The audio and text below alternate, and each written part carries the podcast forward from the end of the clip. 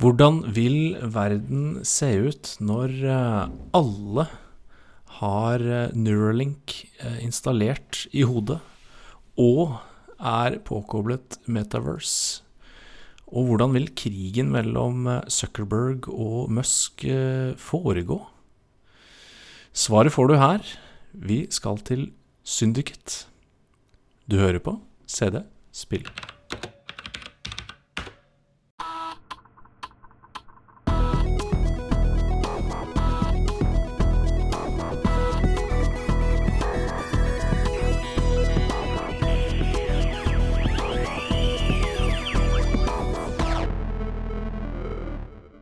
Da har vi søren meg eh, hatt flaks og fått litt eh, datatid eh, igjen. Så vi eh, skrur på eh, PC-en vår med den store røde knappen og sjekker at megahertz-displayet eh, viser høyt nok. Og så skriver vi win.exe, så, så vi kan starte det mest moderne spillet vi har på denne PC-en. Velkommen til din uh, favorittpodkast, som snakker om dine favorittdataspill på din favorittplattform på din favorittmaskin. Uh, CD-spill, vi snakker om gamle spill på beige PC-er i DOS og Windows. That's it. Og vi beveger oss ikke forbi 1999.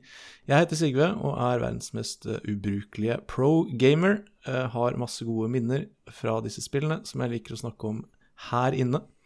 Jeg er uh, heldigvis for deg, lytter, ikke alene. Jeg har med meg Mr. Mamen, som også har spilt litt data.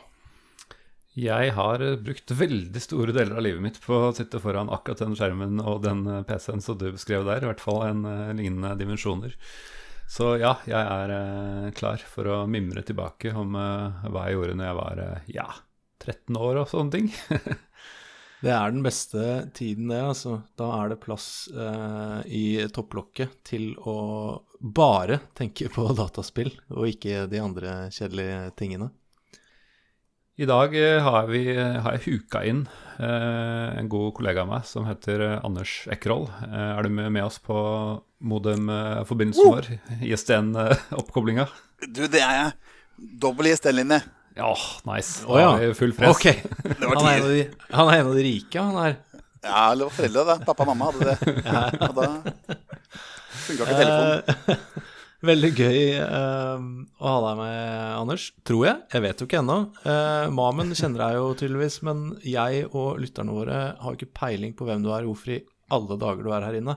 Kan ikke du hjelpe oss litt med å få en god start der? Jo, jo. jo. Det, er jo det er jo tre grunner. En er at dette er min nye favorittpodkast.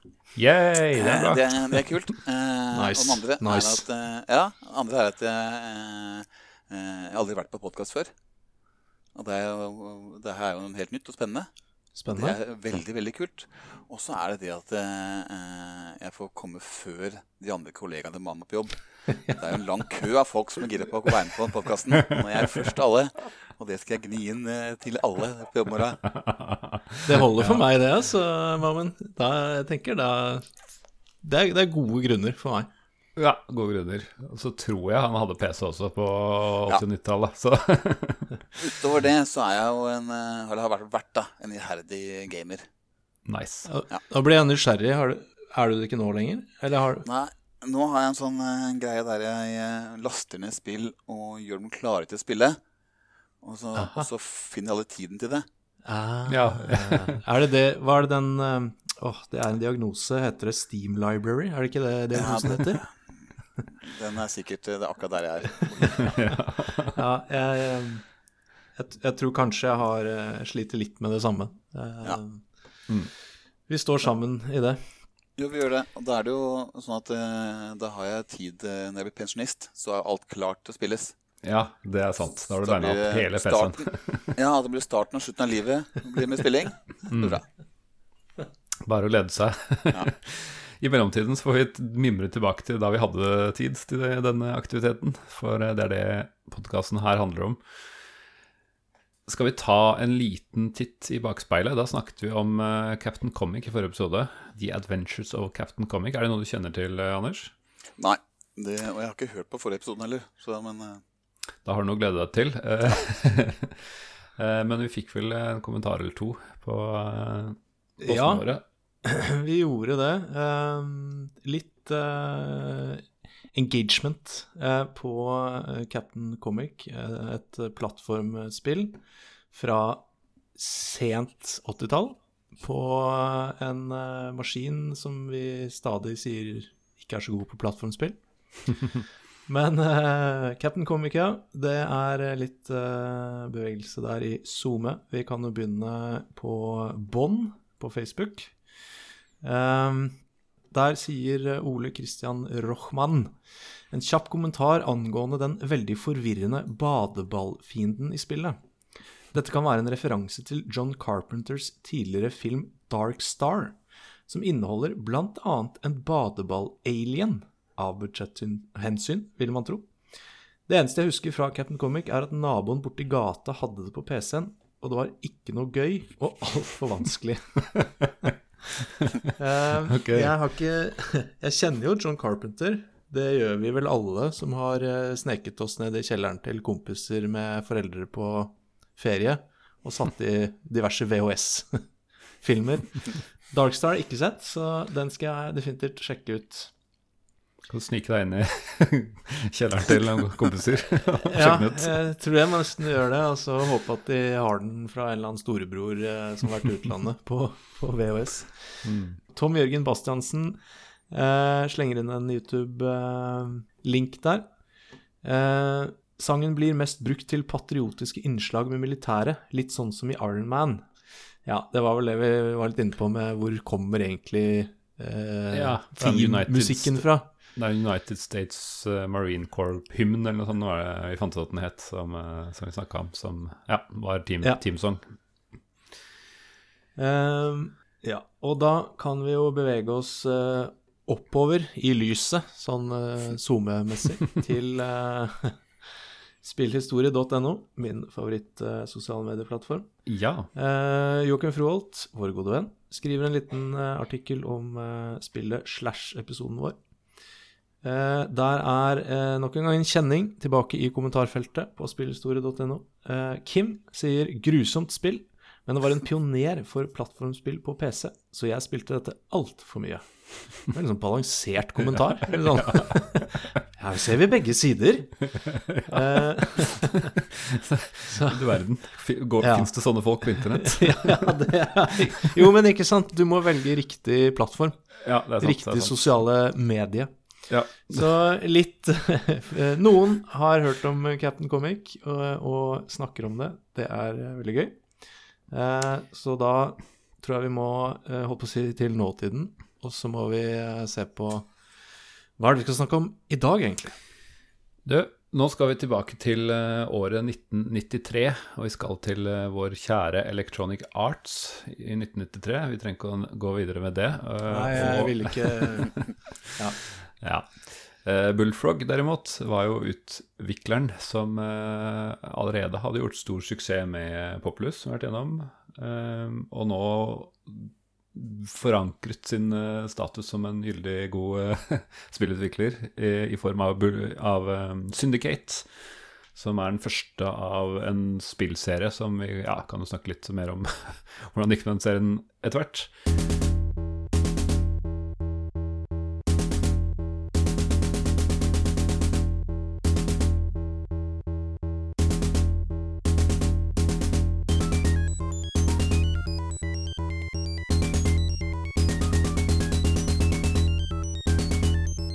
Så Syndicate, ja. Eh, Anders, du kan jo Du husker jo dette spillet. Kanskje du kan prøve å gi en briefing på hva Syndicate går ut på? Sånn, ja, kan velge hvilken take du vil.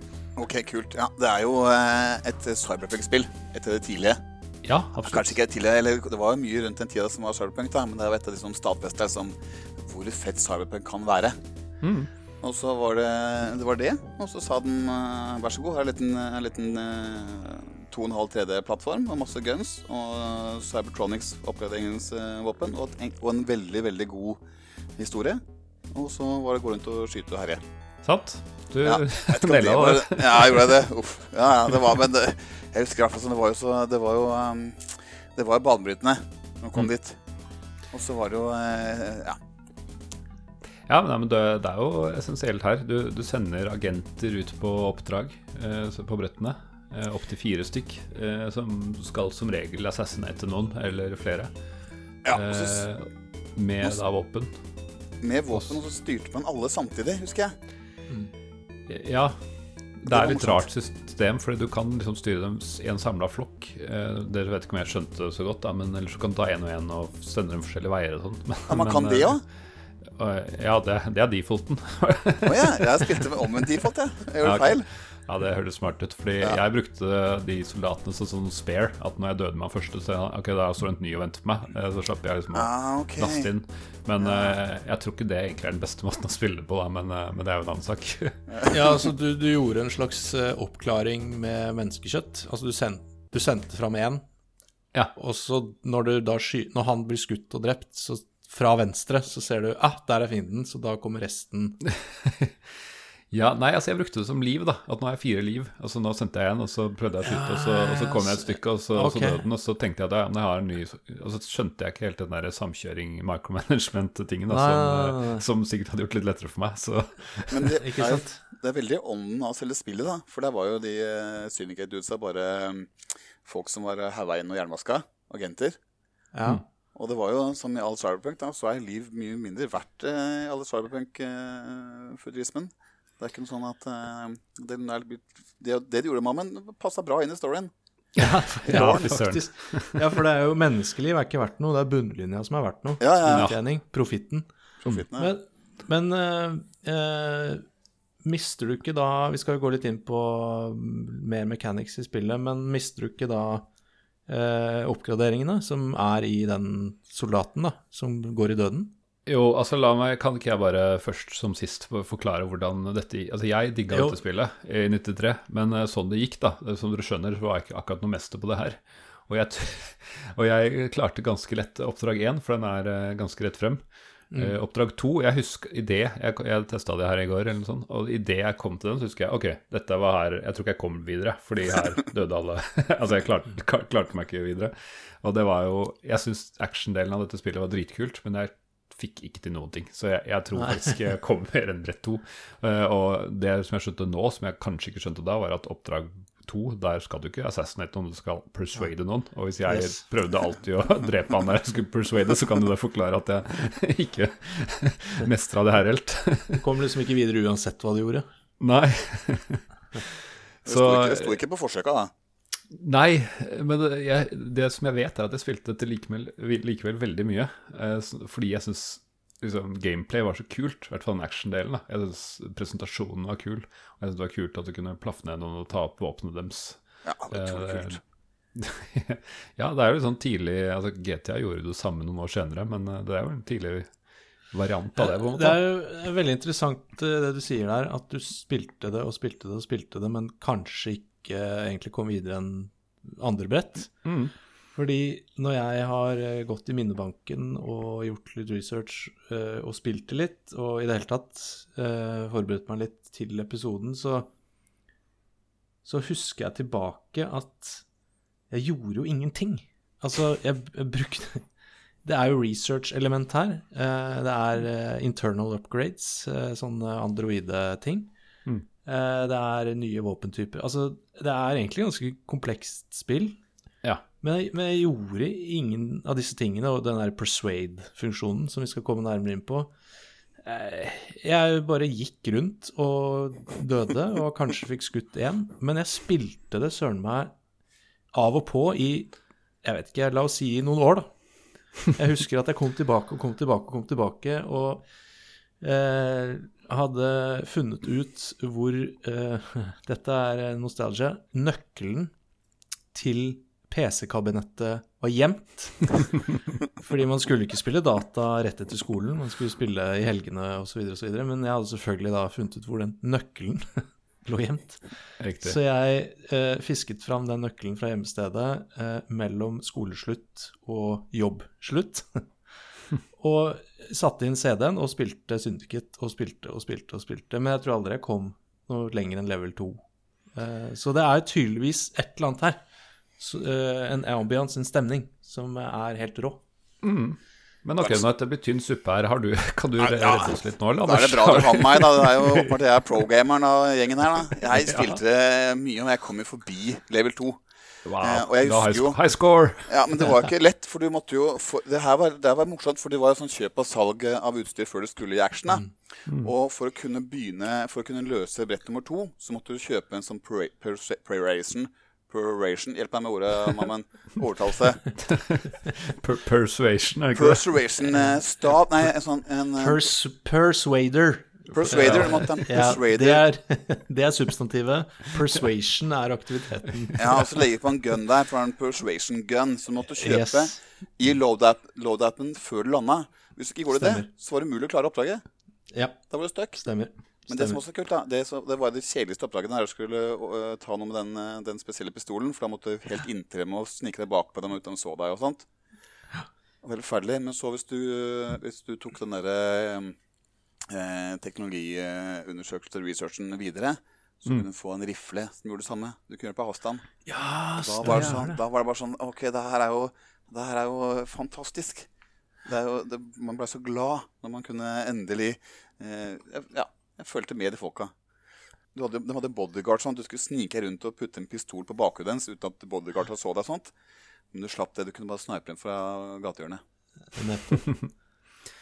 Ja, fordi nå er du inne på det aspektet som vi tydeligvis ikke skjønte, da. Eh, Vi, vi eh, tullekoppene fra Østfold. Som, og, det, og det er jo at eh, den, den delen utenfor oppdragene, at der kan du som sier både kjøpe og selge utstyr, men også research nytt, ny, ny utstyr og ny teknologi som gjør, gjør det ja, jeg vet ikke om jeg skal si enklere, for det blir jo bare vanskeligere uansett, men i hvert fall du, du får balansert litt mot vanskelighetsgraden som stiger i, i brettene. da. Ja, og det var jo det kule med den var jo at det var så, mye nytt. Det var liksom ikke Ja. bare Det var ikke bare minigun og, og eh, noen granater. Det var jo ghost guns og laser og noe Tesla coil-stemning. Ja, fordi jeg har sett litt på, på sånne playtrues og sånn nå, og fy søren så mye jeg har gått glipp av, som jeg skjønner når man har kommet litt opp i, i brett. Det er jo det er ikke liksom sånn fire våpen, det er jeg vet ikke, 20 eller noe sånt. Det er i hvert fall veldig, veldig mange. Det var veldig veldig mye. Jeg husker etter, jeg husker jeg, I senere tid har jeg tenkt på altså, løsninga der. For du var, aldri, du var alltid, du var alltid lite penger. Du, du fikk veldig lite penger Ja. som en sånn uh, syndicate som skulle ha bunnlinja, bunnlinja sine sikra. Du fikk lite, lite spenn da, av å gjøre sant? oppdragene. Og da, Men trikset var å, å Før du var ferdig med oppdraget, så måtte du gå og, og kverke masse andre folk og ta liksom eh, alle tingene deres. Så selge det. Ah, Det er sånn- cheese-varianten, selvfølgelig. Ja, ja. Gjøre folkemord. Ja. Men Og det så var, ja. selge eiendelen etterpå. ja. Det er litt slem, da. Ja. Men i, i fremtiden så var jo, var jo slemt greit. Ja, og det spillet her eh, prøver jo ikke engang å være hyggelig og varmt. Det er jo virkelig en dystopisk eh, cyberpunk eh, Ja, vi virkelig. Um, for det er jo eh, en av mange aspekter ved spillet her som ja, er banebrytende og dritfett, eh, som du er inne på, Anders. Det er jo at du har jo eh, en slags eh, hjemmebase med økonomi og handel og utvikling. Altså du kan kjøpe våpen til agentene dine. Du kan også selge inventory, sånn at ja, plukk med deg så mye som mulig fra oppdraget, og så kan du selge det når du da kommer eh, hjem til eh, hovedkvarteret. Eh, eh, og eh, eh, vi må jo nevne det her internal upgrades, eller hva man skal kalle det. Altså at du, du kan jo Du bytter jo ut inter, internal organs, altså lemmer, med improved eh, robotics. Så du setter jo inn armer, bein, hjerne, hjerte, internal organs, som gir forskjellige improved stats da, på agentene dine. Som selvfølgelig koster penger, eh, og som, for å bare gjøre det enda mer eh, hva skal jeg si, dypt og kult, eh, starter i versjon 1, eh, disse forskjellige kroppsdelene, og så må du gjøre research for å komme til versjon 2 og 3, som gir deg enda bedre stats, da. Eh, så det er jo eh, ganske rikt system, syns jeg, da. eh, på et eh, ganske gammelt spill. eh, Ja, som jeg des- dessverre ikke greide helt å forstå. Men jeg har veldig sansen for det nå. Det har jeg. Det var liksom alt av, alt av Cyberpunk fremtid hadde de liksom blanda inn. Må, må jo si at det du var en del av et syndikat, liksom. Men at, uh, at vi som de fire agentene på det dealer med alt av research og oppgradering og alt sånt selv, selv, det vitner om at det var jo dårlige tider. Og var, jo var, var ikke mye Ja. Men oppdragene ble solgt inn som det her må skje, ellers så går alt skeis, liksom. Ok, men du må. Du, patroner, dem må du ordne sjæl. Ja, ja, du Jo, men er ikke det sånn Det er, hva heter det, sånn franchisesystem? Sånn, ja, ja, ja. McDonald's er jo i hele verden, men ja. Mækkern nede på hjørnet her, de greier det sjæl. Mm. Den Mækkern på hjørnet får liksom ikke beskjed om at hvis ikke dere selger så mye burgere, så går hele McDonald's duken. Nei, det er, det er sant. Litt sånn, man føler meg litt sånn, eh, litt sånn eh, lurt da, av selve Sylket-gjengen. Ja, ja, ja, da ville jeg stekt burger med skjelvede hender, tror jeg. ja. Det er litt gøy. Jeg titta litt i manualen eh, som jeg har ja. rota fram nå, som jeg sikkert kanskje ikke hadde da. Men eh, det står en beskrivelse av eh, Altså, det er jo Enemy Agents, som er merka som rødt på, på det minimappet, og så er det politiet som er blå. Og så er vel sivile bare noen prikker. Og jeg tror ikke sivile kanskje er bevæpna. Men det, det, som er gøy med politiet, er at det står, uh, står om dem at ja, For det første så har de ikke lov til å skyte på deg før de ser at du trekker våpen og truer og sånn. Så, de skal være så, så, står det Og de har jo litt sånn uh, well armed og well protected. Men siden de har den policyen, så står det at uh, de, This helps make the police sitting ducks for syndicate agents in need of target practice. and unlike their cyborg foe, police are only flesh and blood. Så um, ja, det er litt morsomt sånn- at i, i, praksis sier de bare dette er lurt å bare plaffe ned de for å, for å både øve deg på å skyte og få med våpen og osv. osv. Det var i spot og i spot eh, skikkelig cyberpunk-stemning. Den, mm -hmm. den, eh, manualen har jo hele, har jo hele historien nå. De gadd ikke å ja. spillet. De, eh, jeg husker måtte lese den. Jeg kunne ikke engelsk eh, da. Iallfall ikke så godt. Så det var veldig vanskelig å forstå alt. Men har du lest den nå? Fordi jeg har også lest meg opp. Men Nei. Du kan gjerne Nei. Nei, jeg har ikke det. Har du gjort det? Jeg har det, vet du. Du sliter fortsatt med den engelsken? ja, det hørte jeg på, på den der, denne overtalelsespistolen. ja, ja. Overgrepspistolen. ja, det er jo, det er, jo, ja, det, var, det er mer overgrepspistol enn overtalelse. Det er jo sånn at du, ja. ja. Ta fram fri vilje. Eh, den er borte. ja. Jo, men jeg kan godt si det som står i instruksjonen, er at, eh, at eh, det har blitt eh, verden har blitt dominert av multinasjonale selskaper som bare har vokst og vokst og vokst til sånne megacorporations som til slutt bare har svelga både først små land og så etter hvert større land. Og så har det da delt seg i tre i tre liksom, megacorporations. En fra US-based, en Europe-based og en uh, in the far east. Så hvor Afrika hører hjemme, det vet jeg ikke heller om man tror. Eller, det er sånn. Men det var tre, ja? Tre stykker? Det er liksom tre av disse corporations. Men jeg skjønner ikke helt det, fordi det som skjedde etter det, uh, var at uh, de europeerne fant opp denne chipen som disse folka har i, ja.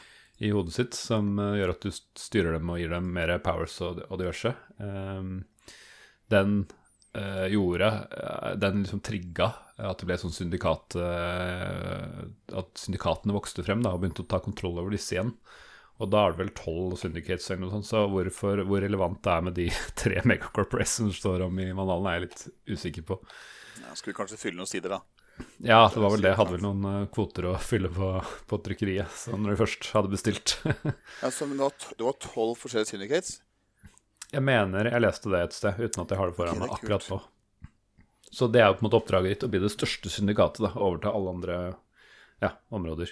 Ja, Morsomt. Jeg husker veldig, veldig bastant at det var kun et annet syndikat å slåss mot.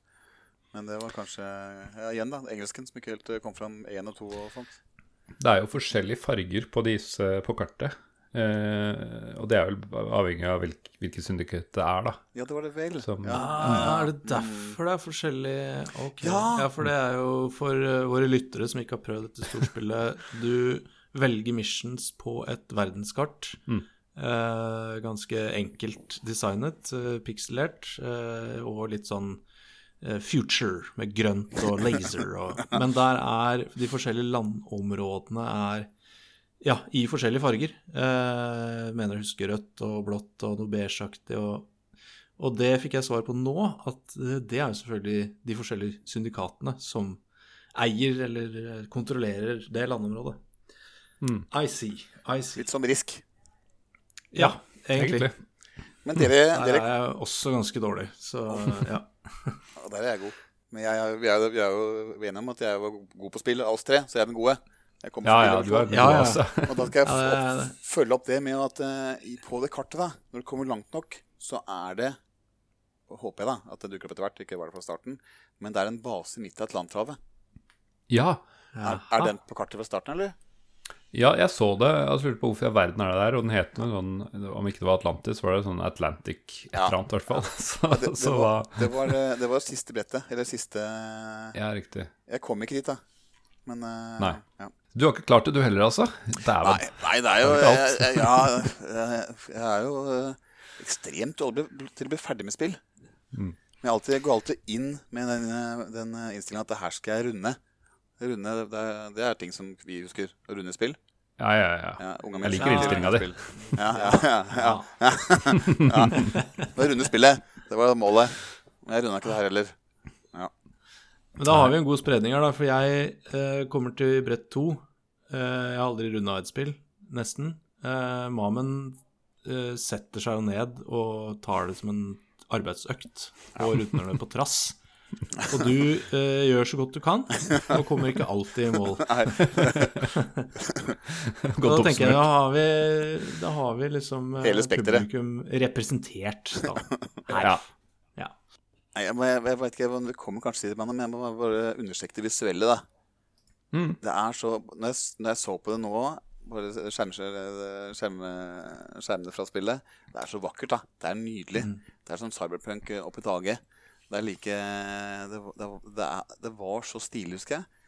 Og det, alt var kult. Alle, alle våpna kule. Fartøyene, eh, verden, alt det, det visuelle, grafiske virkemidlene overalt. Fargene. Alt var sånn spot on, da.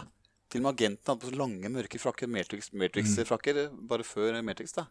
Stemmer. ja, sant. sånn, eh, Jeg lurer på kanskje det var noe av det som gjorde at jeg spilte det i flere år uten å komme lenger enn eh, andre brett. At det, det visu... Altså stemninga.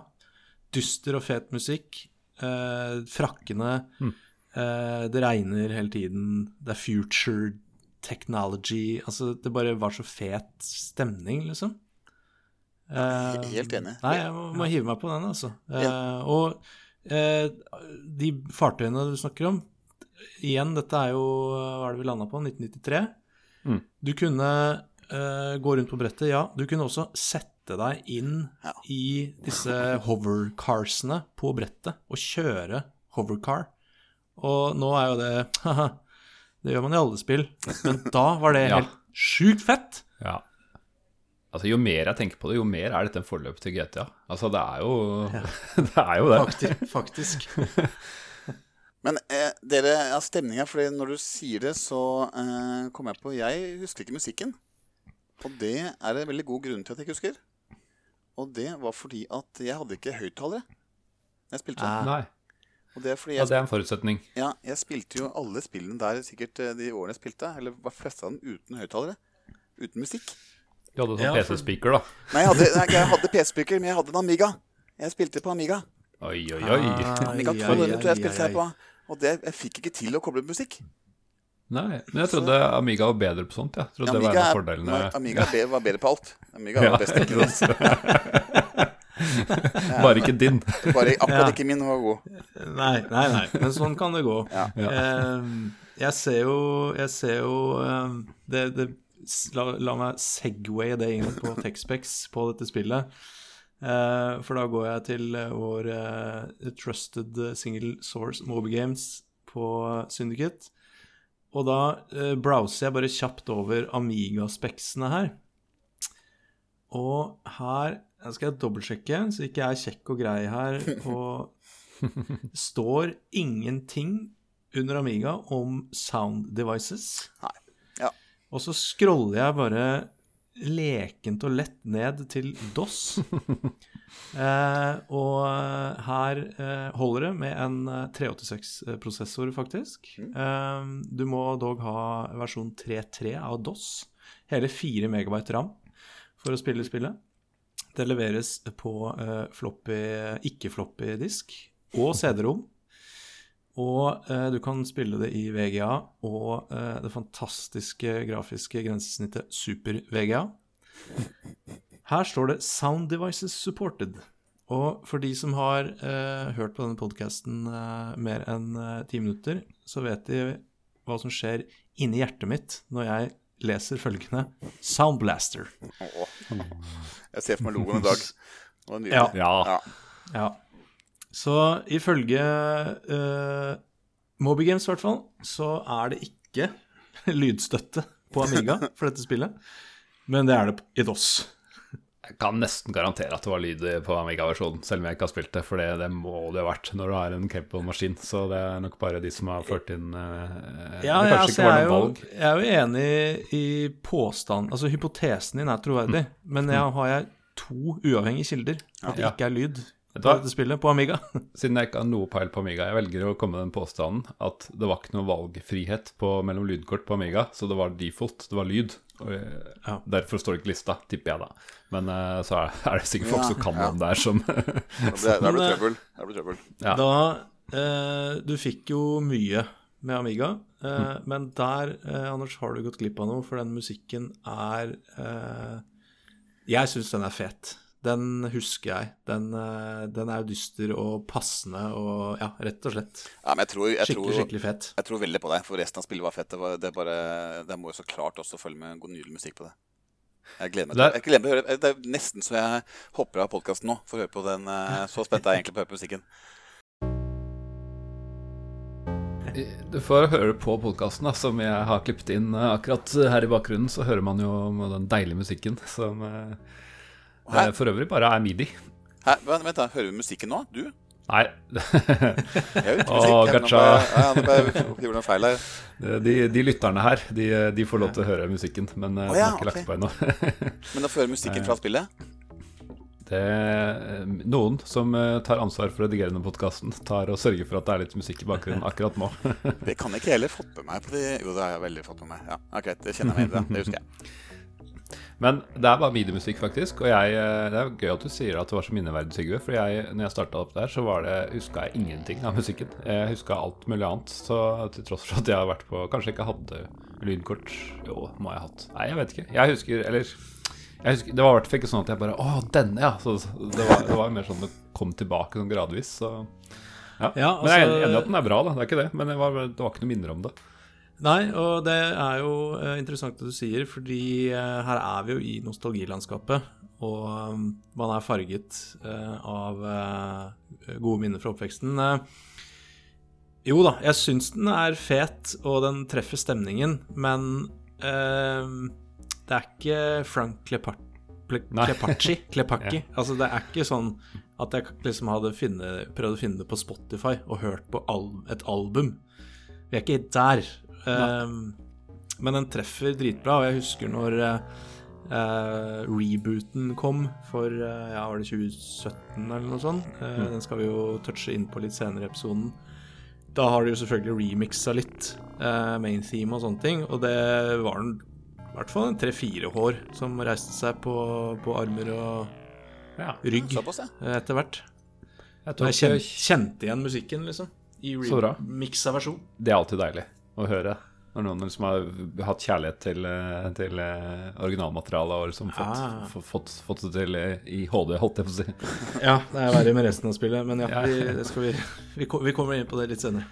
Jeg titta litt kjapt på hvem som hadde lagd musikken. Han het visst uh, Russell Shaw, og han var åpenbart ansatt i, uh, i um, Bullfrog, for han har masse annet. Team Park og Team Hospital og Black and White og Fable og ja, jeg lenge, ja. Fulgt liksom eh, Fulgt han derre Peter Molyneux hele veien. Så Ja. det er kult. Åh, gode gamle dager, ass, når du hadde samla kvalitet inhouse. Ja. Du bare hadde et bra studio, liksom, som lagde bra spill. ja. Og så hadde du en god god utgiver som fikk det ut til folket, som heter Electronic Arts. Nei, Ja, There's no denying. nei. Don't get me started. Ja, du kan takke mye av 90-tallet ditt for uh, minnene for uh. Det er jo uh, ironisk eller eh, passende eller eh, når vi snakker om et spill hvor megacorporations eh, tar over hele jordkloden og fucker, fucker alle, så er det jo morsomt å snakke om electronic, electronic arts. Mm. Ja, Nei, jeg har ranta nok om de. Uh, ja. Ja, for akkurat her så var det ikke dem som eh, ødela, da. Det var jo uh. Peter Mollek selv som kom og uh, gikk uh, Blei klin gæren, holdt jeg på å si. Ja. Han ble gærnere og gærnere. Jeg lurer på om det var fordi han starta med et gudespill. ja. At han liksom ikke fletta på den allerede på, på første spill.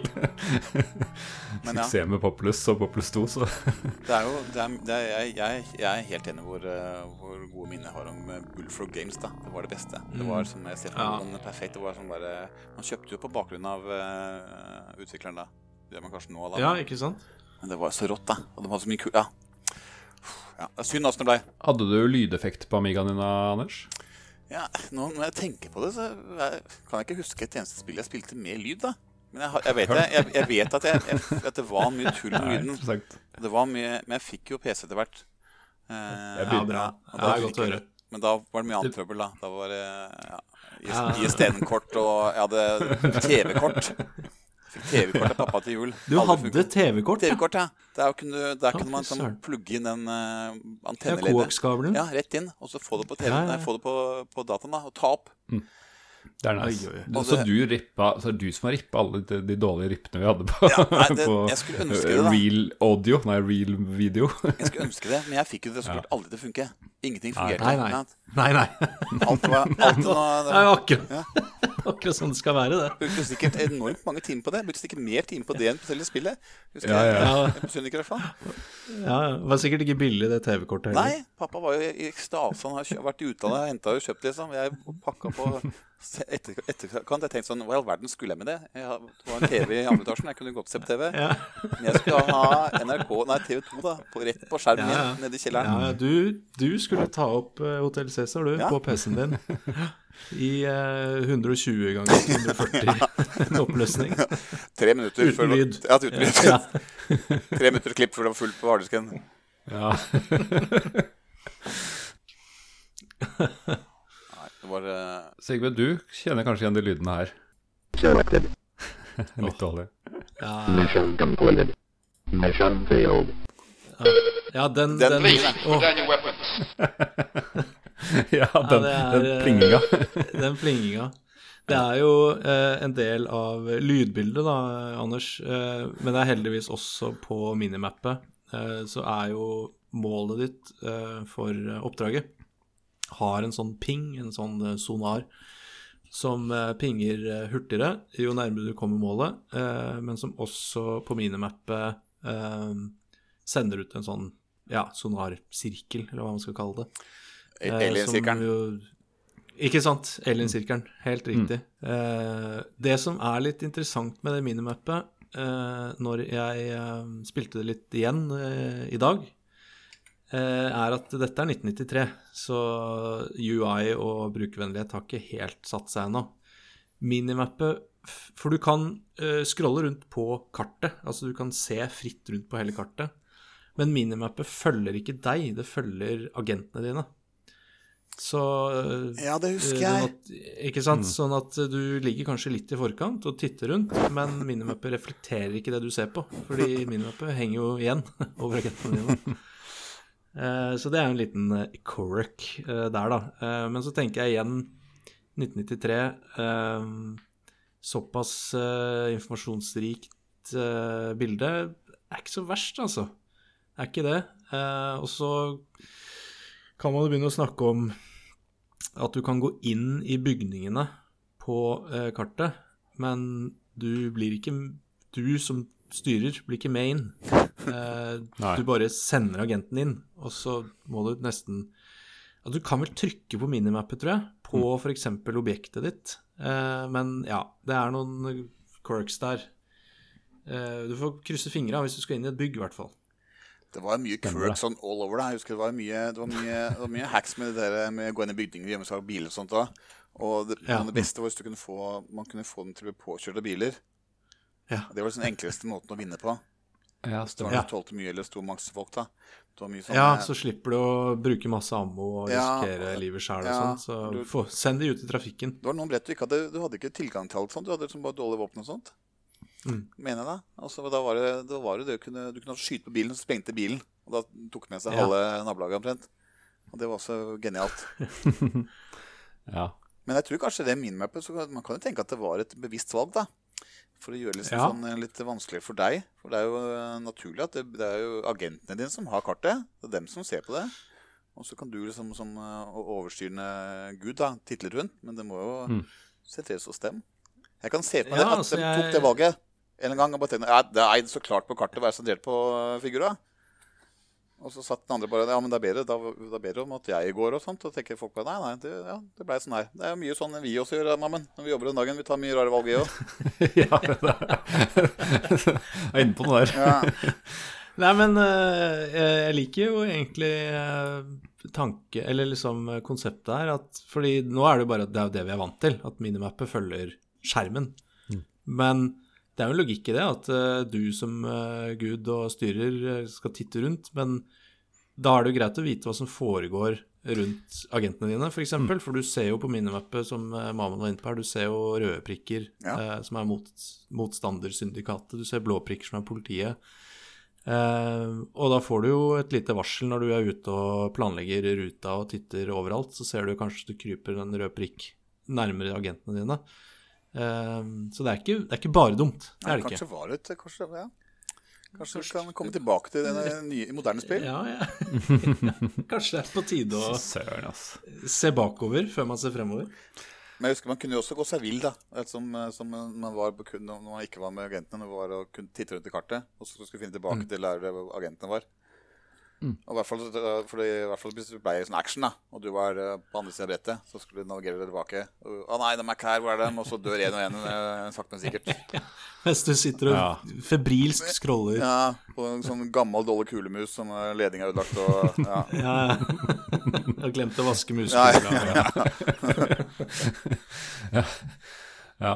Jeg også merker jo det å, å få agentene ditt er ikke alltid så lett, for Pathfind-algoritmen Ja. den, eh, Det har vi Oh, sett yes. før, men den er helt eh, bak mål. Altså, hvis ikke det er eh, straight line, da kan du bare Da kan ta seg runde rundt kvartalet og alt mulig rart for å gå helt feil og snu og komme, i hvert fall ikke komme fra dit den trengs. Det var også den, ut i den bilen så var det så vanskelig, fordi jeg tror ikke vi reagerte med en gang. Så hvis du trykka, trykka en gang til, så gikk den inn og så ut igjen. Og hvis du fortsatt trykket da, for- nei, nei, inn, ut, inn, så ble den bare stående i egen evig loop, for du har trykka ti ganger, da. Det var noe sånn rart, Ikke? Ja. Og så kan du jo, eh, så kan du jo på den pathfindinga, som er jo ganske håpløs, så kan du legge på eh, over, overtalte subjekter, altså folk du har brukt persuasion eller persuade, Ja, persuasion gun på. Fordi eh, det er jo sikkert et design, da, de følger jo etter deg litt slackere. litt eh, de, de skal på en måte ikke være en del av teamet, men de skal jo være De skal følge deg. Så hvis du sliter med pathfindingen på agentene dine, så er det lykke til med å få med deg de forskerne du har uh, brukt overgrepspistolen på. Ja, dem. uh, Se om de greier å komme seg rundt hjørnene. Uten å bli overkjørt. Dem ble overkjørt helt. Ja. ikke, ja. ikke sant? med politi og motstandersyndikat hakk i hæl. Ja. Fins det noen spill hvor sånne følgeoppdrag, sånn eh, eskorteringsoppdrag, er gøy? Jeg syns det er litt liksom Det er verste oppdraget. Ja. Follow Quest. Ja. Uh, altså, alltid, det, er Jeg så, orker ikke. det er så lite vindu du må holde innenfor eller bortafor. For nærme, for langt unna. Ja. Nei, jeg skjønner Ja. ikke. Ut... nei, det er uh... Hvis det er en utvikler som hører på nå, slutt med de greiene her. ja. Kutt. Ja. ut. Ja, kutt ut. Ja. Det er ikke noe gøy. Ja, vi snakker til deg, Ubisoft. Ja, ja. Ja. ja og nå sitter Cyberpunk. Ja, ja, det er sant. Der er det jo Det er kanskje det drukna litt i en del andre ting. Ja, jo, men det var, på, Ja. min ting var den, da. Men eh, ja, det er absolutt follow quests der, ja. Visste dere at det fantes en, eller kanskje du Anders som har spilt det, at det finnes en panic button du kan trykke på, på med musa di? Hæ? What? Nei? Jeg leste manualen og jeg bare what? Nei, hvis du trykker, jeg tror hvis du trykker både høyre og venstre mus-tast samtidig, så går den i, i hvert fall på PC, så går, den i, går det agenten i en sånn panic mode. Ja! Skyter rundt seg! Ja! Ja! Sånn skikkelig frenzy. Ja, ja, det bare gønner rundt. Ja, den er fin! Ja. det er sånn nød Ja, det er akkurat det det høres ut som. Det er, hvis du bare blir overmanna, så kan du bare trykke på det, så skyter du det er, Du sløser nok mye skudd på det, men da liksom, kanskje du overlever, da. Ja, men det husker jeg. Nå husker jeg det. Nå bringer tilbake gode minner. Ja. Ja, for det var jo, det var jo vanskelig å trykke på riktig agent og riktig, eh, riktig gunner og riktig ting. Og så Ja, for du skal ikke bare velge Altså, du har jo eh, Altså, grensesnittet er at du har på venstre side eh, de fire agentene dine, eh, og minimap, eh, men også inventory per agent. Og så kan du jo trykke Det er jo ikke Det er jo ikke Command Conquer, så du kan dra over skjermen og velge de, men du kan trykke på de, eller trykke på en sånn velg alle-knapp på midten. Det jeg fant ut, til min store frustrasjon eh, slash rage quit tidligere i dag, er jo at jeg velger alle agentene, og så er jeg flink og trykker på pistolikonet i inventory, eh, går i kontakt, begynner å skyte, innser at nei, du må gå på hver agent og velge våpen for hver agent, og så skyte. Eller så skyter bare én agent, Ja. og alle de andre dør. Og ergo burde ha de tre andre stående i startområdet, så, Ja, så, ja. så, sånn som jeg gjorde. Fak faktisk. Så da ble det en rage quit der, eh, men da lærte jeg det. Men ok, det er jo um, Kanskje det jeg skal gå for, da, den uh, panic button. Ja, det husker jeg så godt Men- nå. Da skjøt alle òg. Ja. Nei, men du, kanskje du kan fortelle mer om det uansett. Fordi eh, du har noe som i kaller kalles for IPA, IPA, som er Intelligence Persuasion, nei, Perception og Adrenaline Levels, som er disse tre barene du kan sette opp.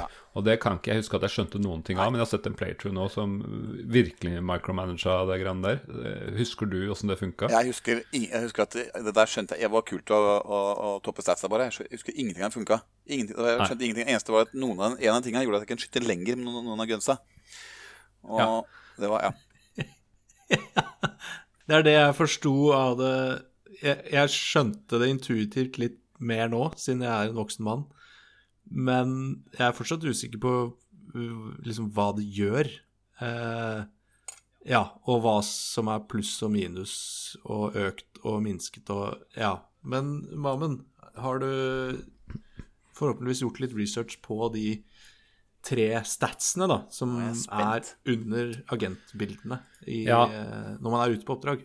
Ja, jeg har lest meg opp på det, eh, og det er altså Um, Det er drug injection uh, som, man, uh, som man kan utstyre disse agentene med, som uh, sier hvor mye Ja, en er intelligence, perception og adrenaline som er i kroppen deres. Eh, og intelligence er hvordan de agentene reagerer i en viss situasjon. Perception er hvor uh, presis skyting og hvor uh, liksom alert de er på fare rundt seg. Og adrenaline er uh, spe speed of reactions, står det. Control speed of reactions. Uh, så det er visst kombinasjoner av dette gjør eh, Altså eh, Du kan f.eks. risikere at de løper inn i døden sin, eller at de er veldig Ja, de har litt forskjellig behavior, da. Men i tillegg så er det en sånn bar som går opp, og det etter, etter jeg skjønner, så er det liksom eh, Ja, altså, når du bruker drugs, så har det en effekt, og så avtar effekten, og så får du så bør du sette dem ned igjen, for, for ellers, liksom, ellers så har det ikke noe effekt lenger. da. uh, og du ser også det har effekt hvor raskt det går. Så hvis du skal bare, I starten skal du alltid gå fra A til B, og da er det ofte i hvert fall så jeg at mange bare satt den opp bare for å komme seg raskt. Det var så kjedelig. Ja. Ja, for øverst Men det også må du velge på hver enkelt. ja, ja, ja. Men igjen, jeg tror det fins en eller annen sånn knappekombinasjon, sånn kontrollskift eh, som du gjør alt, men eh, jeg I don't know. I don't know. Jeg husker kun den alle-knappen. Jeg følte alltid var alle-knappen. Men, Ja. eh, men det var, Det var Du lurt, det. løste alle problemer. ja, ja, ja, det gjorde det egentlig. Ja, det. Men jeg, skal, Ja, det er jeg, husker spesifikt- jeg måtte tydelig velge våpen i verden. Da. Men, så den, Mm. den hvite baren som var til øverst venstre, den var avtaket av drugsa? Det viste at drugsa Eh, gikk bort? Ja, altså de tre barene som er under, Ja, de er, der, er disse drugsa. Ja, okay. Ja. Den på siden er helsebar. Den, eh, Ja, det var det var, opp fra. Ja. For øverst til venstre så er det litt firkanta rute med de folka dine. Og det er morsomt, for den, det er sånn videofeed av duden din på gata. Av de forskjellige fire. Som speiler, Ja, det er speiler nøyaktig hva de gjør. Om de skyter eller går, eller om når du bare ser på det, husker jeg, du bare så på den lille øverst venstre, så virka det som folk, alle de folka gikk hver, hver sin vei. Og drev med sin egen greie. Sto litt vinkler og ja. Jeg, jeg, jeg syns det er imponerende at du har tid til å se på de folka når, du, når det er i kampens sete. ja, det var Jo, men det er jo fordi man scroller rundt. Man er jo ikke Ja, der moroa skjer. Og så fin, finner du ikke igjen agentene dine når det smeller. Så da må du bare se på de små eh, minibildene, da. da er det to ting å gjøre. ja. Eh, Det er de to, du må se minibildene, trykke på dobbel eh, Ja. på panic-button. Ja. Og bare håpe ting går eh, Ja, det er helt fantastisk. Jeg tror kanskje jeg må prøve meg på en ny runde på det spilleren. Jeg har lært en del eh, Jeg har lært noen cheese-teknikker her. Jeg ser for meg at utvikleren satt der og tenkte ah, folkens, nå eh, ja, de, de gutta våre blir alltid angrepet når eh, brukeren er, er på den andre kartet. Åssen løser vi det? Nei, vi får bare lage en sånn panic button da, som skyter uten at eh, du eh, gjør noe. Det er faktisk en god, god idé, ass. Ja. Men skjøt dem, først, kunne du skyte av det selv? Eller måtte du styre? Nei, fordi synes- Det er det jeg lurer litt på, da. Eh, fordi det har vært, var problemet mitt at jeg, ja, jeg prøvde igjen en agent, for jeg liksom aldri fikk, fikk styr på det. Men jeg tror faktisk at hvis du setter de opp eller et eller annet, så kan de Så kanskje man vet nok til å skyte. Bare at Ja. når jeg hadde på default setting, så gjorde det ikke det, i hvert fall. Men eh, I don't know. Um, Visstnok så gjør det noe panic button, i hvert fall, så satse satser på Jeg husker at, Ja. når, at eh, jeg tror de kan skyte det selv, fordi eh, på fiender og sånt og så Hvis du valgte den Gås-gunnen, fikk den til slutt Å, den er fin. Ja, og, Men da kunne du skyte over sånn, eh, åtte sånne kartruter. Og, da, og Ja. når de gikk ut på banen, da, så plutselig bare begynte boysa å skyte i alle retninger. Og den lagde sånn masse røyk, husker jeg. Så hele skjermen var fullt, og du skjønte ikke hva den skøyt på. Og du kunne liksom, eh, det var, ja. Ja, for jeg lurer litt på hvorfor jeg husker den veldig godt. Fordi jeg kom jo virkelig aldri dit å ha den ghost gun, for den var vel litt sånn endgame-type technology. Eh, men jeg husker jo den Jeg husker i hvert fall liksom bildene og opplevelsen av den Ghost-gunnen, Ja. som jeg da trodde var en Ja, ja. rakettkast, altså en RPG eller bombekaster. Altså, Samme her. For det var sjukt mye røyk. Ja. Og det var sånn 19, nei, en, eh, 1993-røyk. Ja, ja, virkelig. Åtte store polygoner som bare blæsta opp Yes. mot, uh, mot kamera. Uh, mens internett sier at det er en gåsgun er en slags elektromagnetisk eh, En sånn, sånn type railgun, da. Sånn, eh, som, som bruker elektromagnetiske coils for å sende av gårde et prosjektil istedenfor krutt, da. Men jeg husker den som helt bananas. Eh, Ja, som en, eh, som en bazooka. Ja, jeg husker det. Og jeg husker definitivt at de skjøt seg selv. For den gikk av Jeg husker, ja, jeg husker at du, du måtte, ikke velge den, den, det våpenet. Fra skjøt den alle veier. Ja. Du måtte velge en annen våpen, Ja. og så kom de skulle. Da kunne du trykke på den gunneren, og så ble det rakettkasting. Jeg husker også det som en. Det var jo veldig rart å fortelle en tolvåring at det er en gåsgun. Så bare OK. Var ikke Wikipedia bare ja, Skal du forklare kameraten din som er på besøk? Ja, det er gåsgunnen. Den er, den er, er bazooka-stemning. Bare kalt den gås. Det ryker noe fryktelig. Ja, ryker. Eh, Men den rydder Ja. hele kvartalet. Det gjør den. Ja. Så bare sånn, ja, du mener gassgun? Nei, nei, det er, det er gås. Nei. En rakett. Det er jo, det er jo åpenbart. Ja, ja. For det er jo det er en del av, det der, del av den eh, cyberpunk-tingen er jo nye og spennende ord. I hvert fall for eh, Ja, det sant. Nå òg, men det var jo, det var jo mye, mye fancy ord. Det var jo eh, ja, Brain implants er ikke så fancy, men det var mye, det var mye techy ord. Uh, husker jeg. Og jeg husker det var vanskelig og trøblete. Ja, det, Ja, det Men det var spennende. Ja, det var veldig spennende. Det var, det var en del av det kule. Det er jo det, er det er jo en cyberpunk-sjanger som er jo ja. at de, eh, de ser jo inn i fremtiden. Og da må, det er mye nye ord. Mye spennende Mye setter. Og seer og i-er. ja. Ja. Veldig. Det er populære bokstaver. Ja, det er det. Men uh, har noen av dere spilt uh, Det kom en opp, uh, eller Først kom en expansion pack som het Syndicate American Rev- Revolt. Er det noen av dere spilte den? Expansion pack. Jeg husker, jeg husker bare eh, Når man starter Syndicate, Mm. så eh, kan du velge Så får du opp to liksom, svære bilder. Du kan velge Ja. Syndicate, eller så kan du velge Syndicate American Revolt, som er samme fyren i frakk, men med et amerikansk flagg og med sånn kulehull og eh, Og så syns jeg at Syndicate var så vanskelig at jeg turte aldri å trykke på den Ja. Revolt. Det, men det er, vel, det er vel bare en expansion, tror jeg? Ja, det er liksom en, Historiemessig er det vel en oppfølger, men eh, det er en expansion, ja. Så eh, de, det ble også åkt sammen i det som het Syndicate Plus, som uh, ga det ut. Men er det noen av dere som hadde dette originalt, eller er det noen som husker hvor, hvor dere fikk det fra-? Oh, nå spør du Ja, godt. spør Jeg godt, husker at jeg måtte sette inn en CD i CD-rommen. Og det kan jo indikere at jeg hadde det originalt. Hvor det kommer fra, vanskelig å si. Kom det, kom det fra deg, kanskje, Mohammed? Jeg er usikker. Ja, for jeg satt og tenkte selv om jeg hadde, liksom, hadde diskettversjon eller hva hadde jeg, men jeg har vel kommet fram til at det var nok, eh, var nok en CD. Altså, det var nok sikkert en av de første spillene jeg fikk på CD, vil jeg tro, for siden, siden det var fra 93. Og, og jeg ikke husker det sånn supergodt. Eh, og hvis vi krevde en 386, så, så var det nok eh, Ja. Du, jeg må ha det på diskett, eh, altså. mm. For jeg hadde ikke CD-spiller på Amigaen. Tror jeg det. Hva, hva hadde du på den Amigaen? egentlig? Ja, ja sånn plug-in harddisk på sida. Ekstra harddisk. Og sånn dårlig joystick. Ja, TV-kort, da. Ja, nei, det var på, det var på PC-en. Da fikk PC, fikk jeg TV. Ja, okay. Ja, okay. Men jeg, jeg hadde noe annet gøy på. Det? Nei, jeg, hadde, jeg, hadde, nei det, var ikke, det var ikke harddisk. Jeg plugga en ram. Ekstra ram på sida. Ah, nice. Men jeg, hadde, jeg tror det var diskett. Altså. Jeg tror jeg hadde disketter. jeg. Mm. Hvis det, Ja, det ble utgitt på begge ja, deler. da, så. ja, da må jeg alltid garantert ja. Da, nå begynner jeg å tenke, skjønne, da var det sikkert ikke så mye lyd og, og musikk og sånn. Ja, ID hadde kanskje gått av, men eh, det, det kan være derfor da, at du fikk et sånn strip down version. Hvis du hadde Strip down version på Amiga? Nei, Amiga er alltid strip up version. på Amiga Tonsdal. Sier mannen som aldri husker lyd fra Ja, ja, det var jo høyttalerne mine. Det var soundblasterne som uh, Ja. Ok. Jeg, eh, jeg fant Jeg må bare, før vi forsvinner for langt vekk fra våpentemaet Jeg fant en uh, nettside som uh, jeg fikk en sånn advarsel på i nettleseren min, så jeg måtte trykke jeg vil, Ja, jeg vil gå videre. Kort oppsummert, uh, våpenutvalget i Syndiket, det er pistol, eh, og så er det shotgun, eh, som på bildet eh, ser ut som et ganske solid eh, sånn boksmagasin, så der har du en del å gå på. Og så har du, eh, eh, Anders, eh, Persuadertron. Pers, er ikke rart jeg ikke kunne navnet. Herregud, Nei, det kan jeg jeg- ikke. Persuadertron.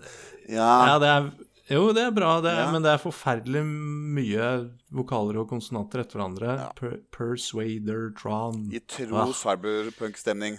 Legge på noe, Ja. blande noe greier. Ja. Som ser ut som uh, de derre uh, massasjepistolene som uh, går, kommer i feeden din på Instagram. um, så er det Medikit. Og så er det selvfølgelig en flamethrower. Du hadde flammekaster, eh, som ja! også- Du hadde flammekaster! Yes, yes. Flammekasteren! Som også leveres som en fryser. En chiller. Eh, så du kan sikkert fryse ting også. Dette var jo tydeligvis forbi så langt jeg kom i spillet. Eh, og så har du jo Vi er på 90-tallet. Da må man ha en Uzi, selvfølgelig. Ja, søren. Den overlevde til eh, 2094, eller når det var. Ja. Ja, ja, ikke sant. Den ble med, den. Vi er ikke ferdig med den ennå. Nei. Eh, og så er det en såkalt scanner eh, som allows quicker detection of possible threats. Eh, litt usikker på, for den minimap-skanninga er jo ganske bra, men eh, Og så har du, ja, selvfølgelig Altså Uzi, hva er steg over Uzi? Nei, det er jo selvfølgelig minigun, det, da. Ja. Eh, så det har man jo. Er det sånn, sånn, Eh, eh, sånn trommel som roterer og greier?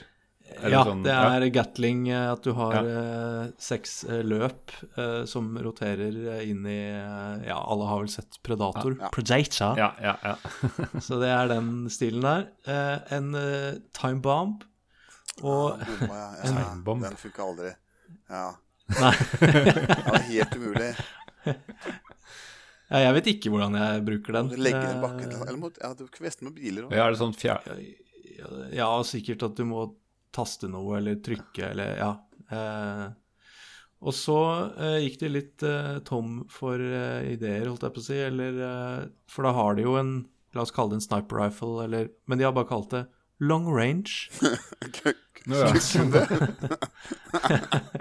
Så- eh, som da ifølge beskrivelsen Very long range and extremely accurate.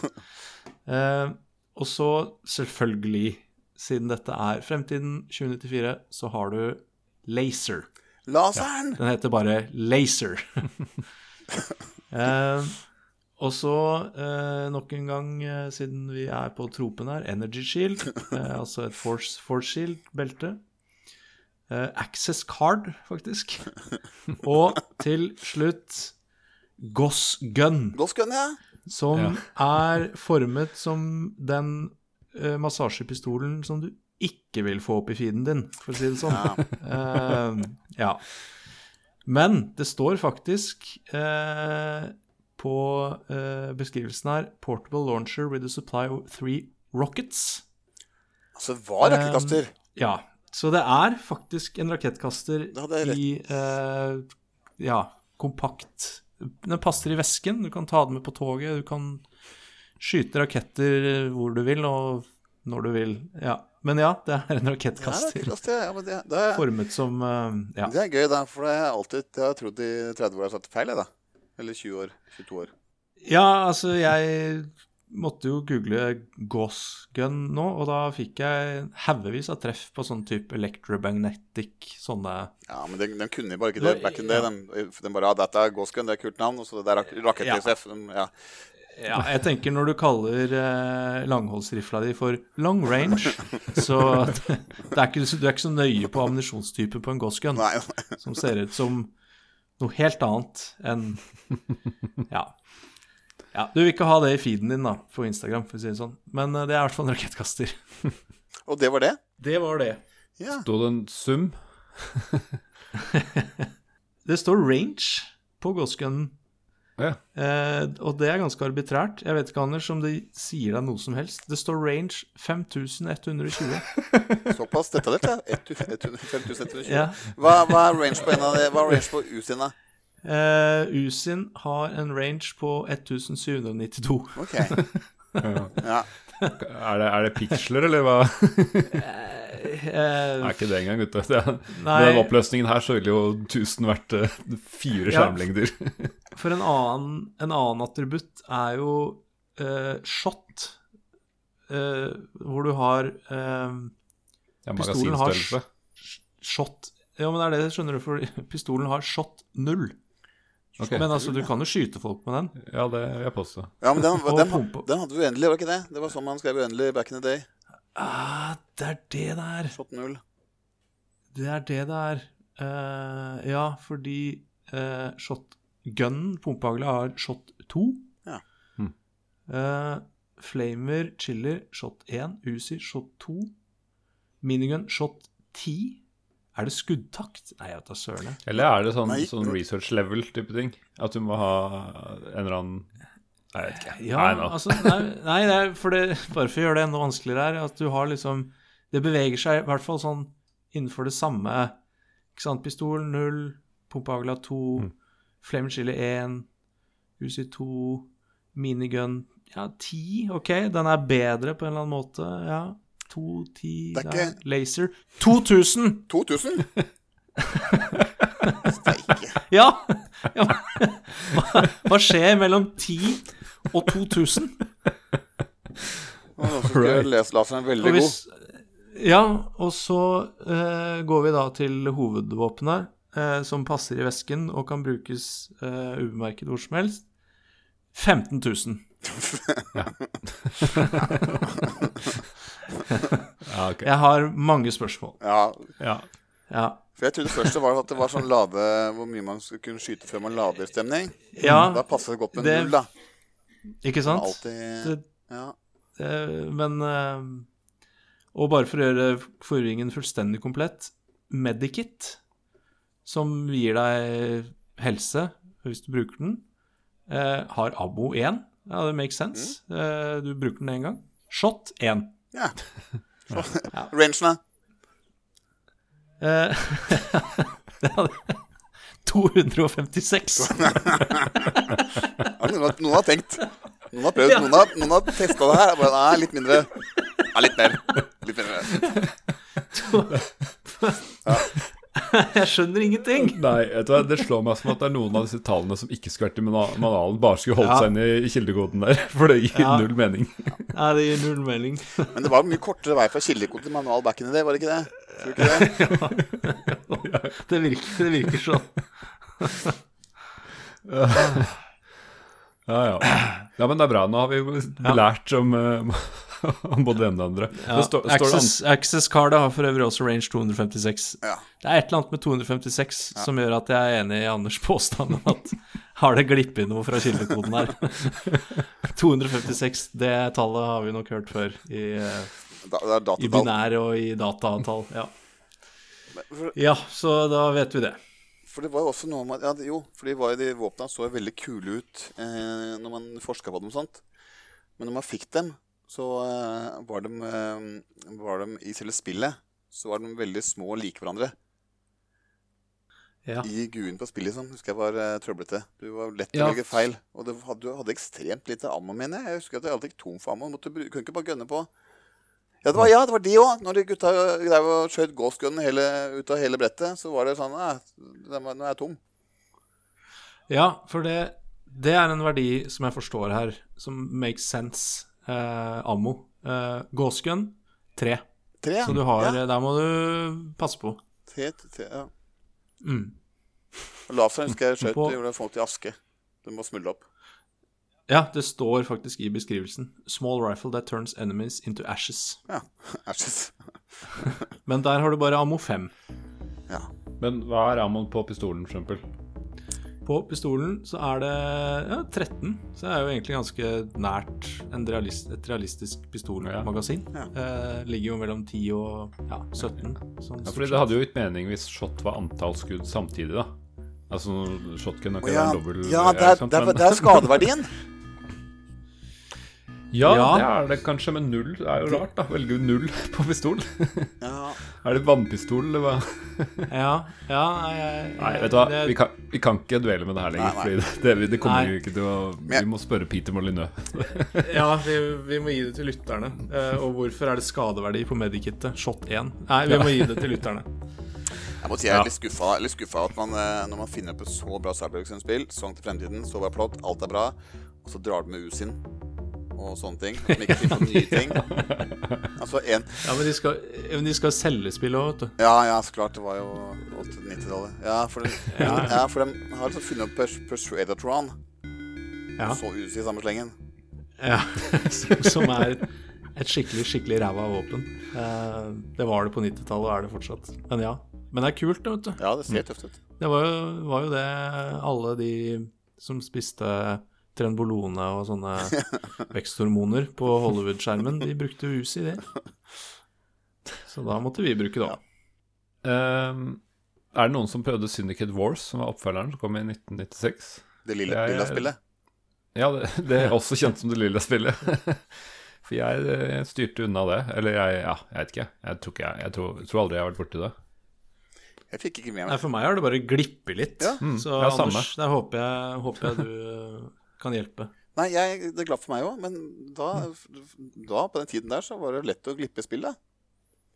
Ja, Det Ja, var ingen, som, var ingen som sa fra til at hei, vet du hva, det spillet du har spilt, brukt 200 timer på, der kom nytt spill. Så du kommer til å digge. det er sant. Nei, det, jeg visste ikke det fantes i det hele tatt, jeg. Jeg trodde det var en Ja, one-off. fordi det ser jo litt kult ut, sånn basert på sånne stillbilder. For det er litt sånn litt mer 3D sånn, Det er ikke sånn isometrisk 3D, men sånn Nei, jeg skal ikke våge meg på Ja, Ja. sånn La oss, la oss si det sånn. Det er i hvert Perspektiv fall 3D. litt andre vinkler. Ja, litt annet perspektiv på det. um, nei, så det, det har vi gått glipp av det. Og så så jeg jo her, det var jeg ikke klar engang, men i 2012 så kom det en, en remake fra um, Starbreeze Studios sammen med EA. Som uh, Ja, som skulle være en reboot av eh, hele franchisen. eh, som gjort om til en førstepersonsskyter. Nei. Som eh, Ja, det blir en helt annen stil. Ok. Som fikk sånn passe bra eh, anmeldelse på gameplay, men ikke så veldig på historien, for det var jo splatt og kjedelig. Men eh, jeg, jeg visste ikke om den engang, for jeg oppdaga tilfeldigvis her i går eller forgårs når det var. Er, er det noe dere Eller jeg skjønner på deg, Anders, at det var nytt for deg. Ja, det var nytt. Men eh, det høres Nei, jeg, jeg husker uh, veldig, veldig godt uh, teasinga og trailere og liksom at det begynte å dukke opp i YouTube-feeden min og sånn. Uh, og ref når vi snakka om musikken, at de hadde liksom noen sånne ganske fete sånne soundbites og remixer av originalmusikken. Så jeg var ganske tent uh, når de begynte å tease det. Og så har jeg aldri kjøpt det, aldri spilt det, og hadde egentlig glemt det helt til eh, du, Mr. Mamma, nevnte det nå i forbindelse med denne episoden.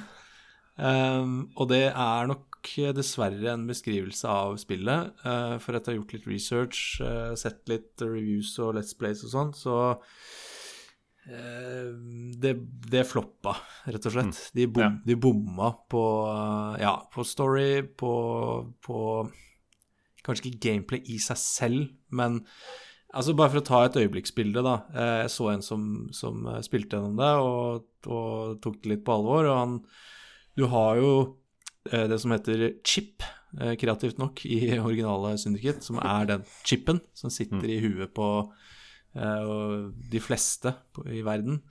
Eh, I dette spillet så heter det Dart, som er en Ja, det er en chip som uh, gjør at du på en måte kan rømme fra den grusomme virkeligheten og stimulere uh, Ja, stimuleres og kose deg og og ikke minst være kobla på det neurale nettverket. Så du trenger ikke klokke, mobiltelefon, PC.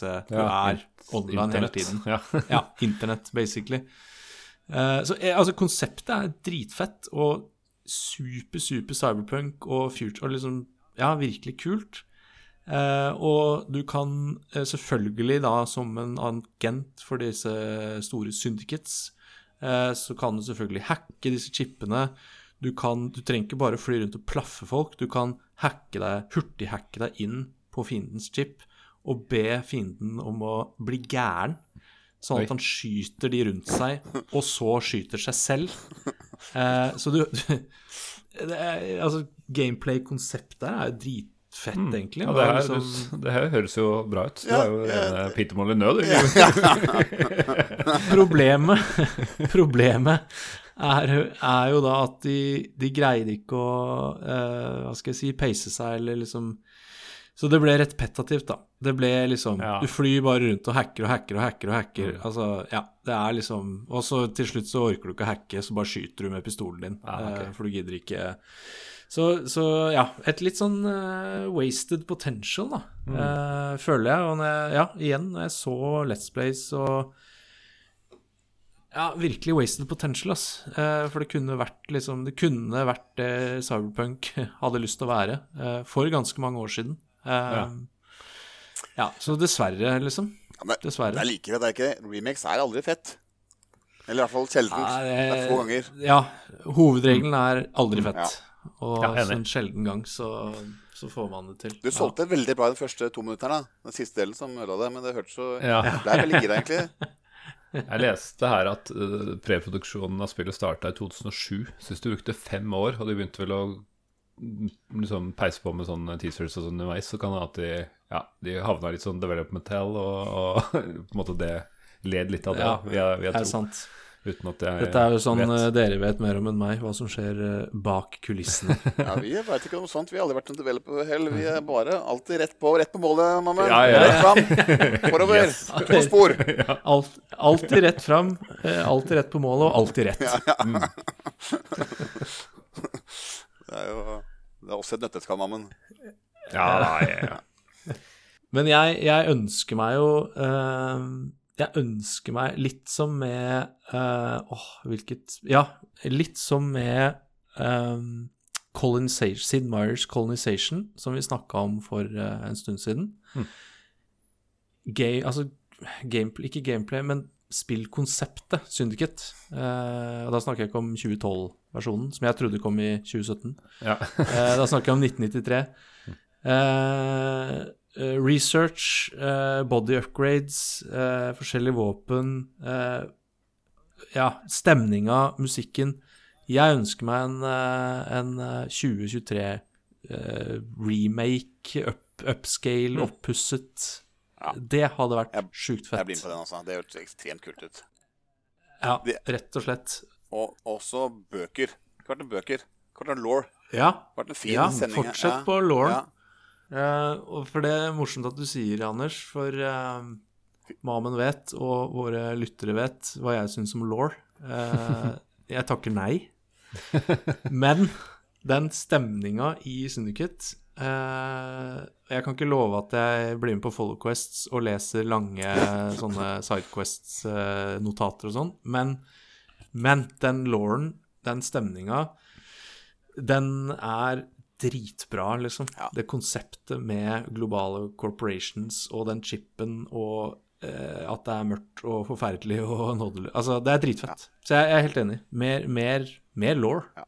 Eh, shit. Det skulle, jeg jeg tror jeg aldri skulle si, men eh, ja. Jo, men akkurat her, unntaket. Ja. Og så er det, det er jo en vei der går. Vi veit jo det. Sarpsborg har forklart oss hvordan det er i en fremtid. Det er den, eh, det er den Syndicate Ja. eh, Megacorp-stemninga. Ja. Vi, eh, jeg tror vi tar en titt på hva våre lyttere har eh, skrevet inn. For det har rent over med engasjement, på, spesielt på Facebook ja, og litt på Twitter òg. Ja, det, det, er helt, det er helt vilt. Jeg tror nesten det er ny rekord. Så Ja, altså jeg eh, ble overraska, faktisk. Jeg pleier jo å si storspill, men dette er jo tydeligvis et storspill.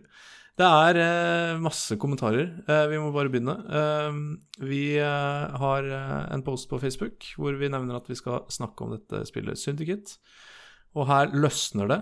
Eh, Christer Sarkasmus Solskogen sier at man i oppfølgeren Syndicate Wars kunne utføre oppdrag på Voss. Det var jeg ikke klar over. Stilig. Eh, Remi Jacobsen, eh, som eh, var i samme båt eh, som deg, Anders, eh, spilte litt på Amiga. Det var morsomt å sprenge biler sånn at folka løpte rundt brennende. Ja. Amiga-fyr, det der. Ja. Det er Amiga-fyr, vet du. Han veit.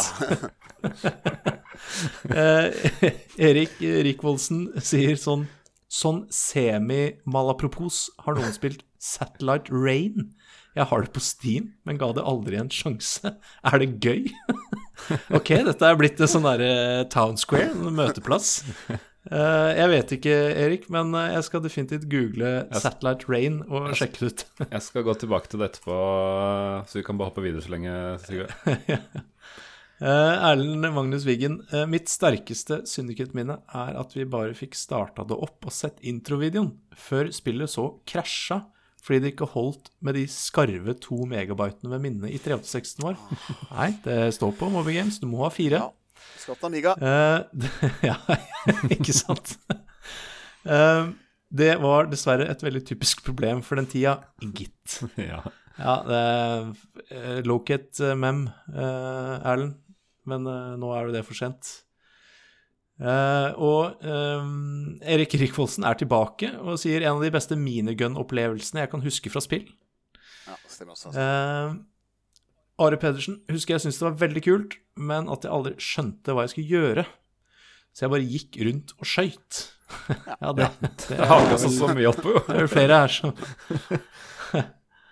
uh, Nerdatorium sier et helt fantastisk spill. Det var det første spillet jeg spilte som var i nærheten av Blade Runner-feelingen. Ja, enig.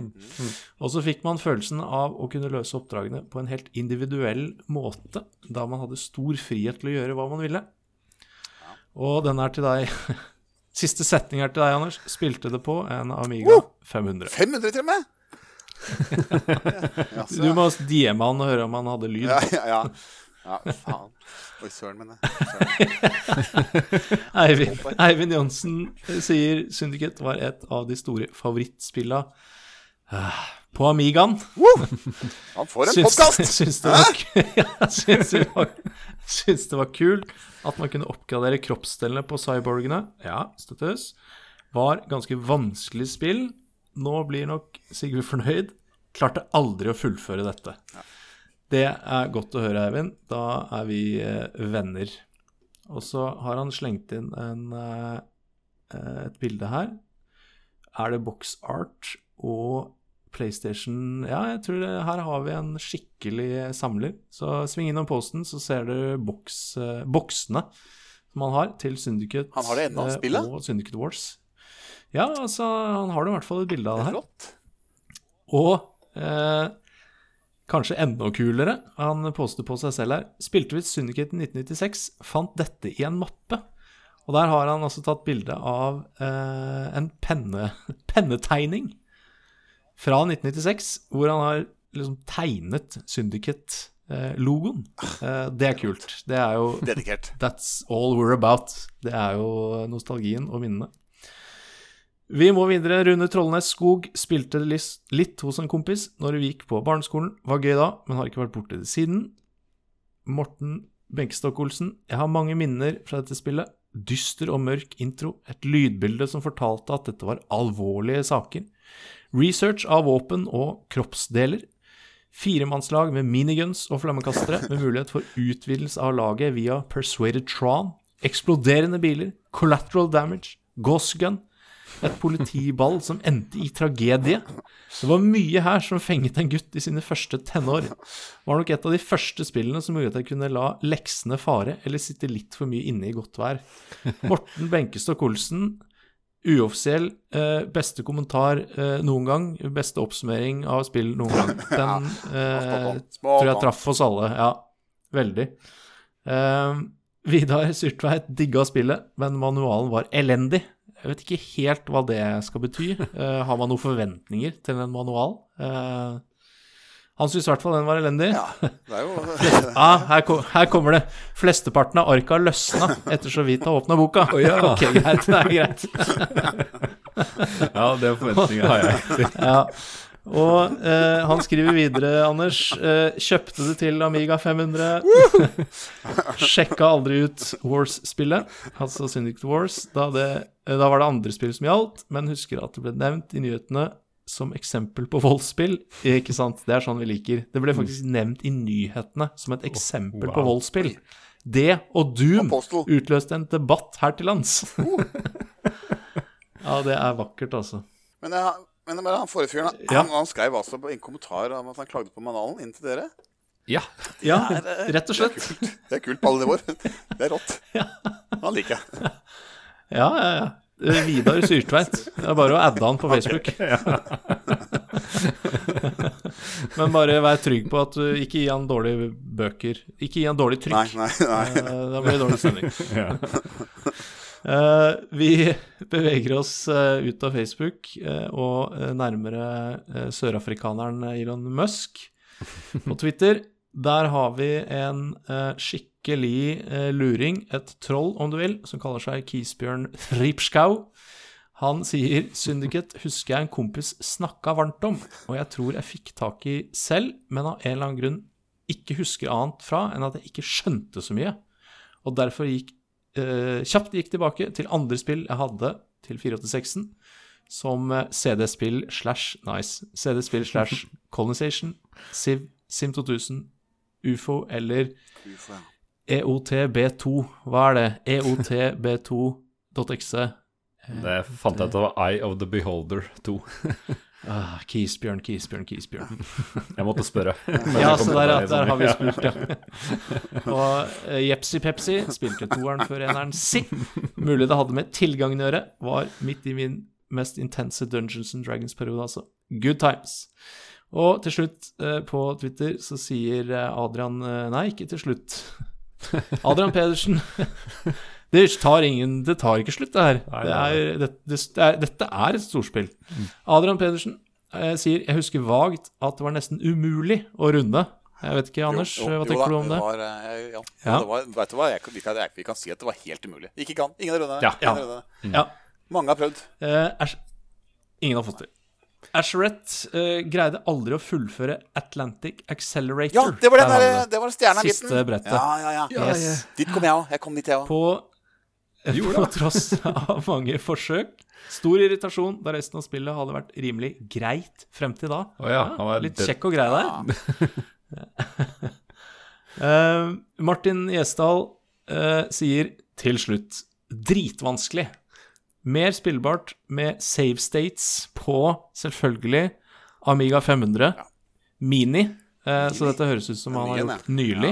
Ja, det er den nye Ja, riktig. Ny Ja. sånn Ja.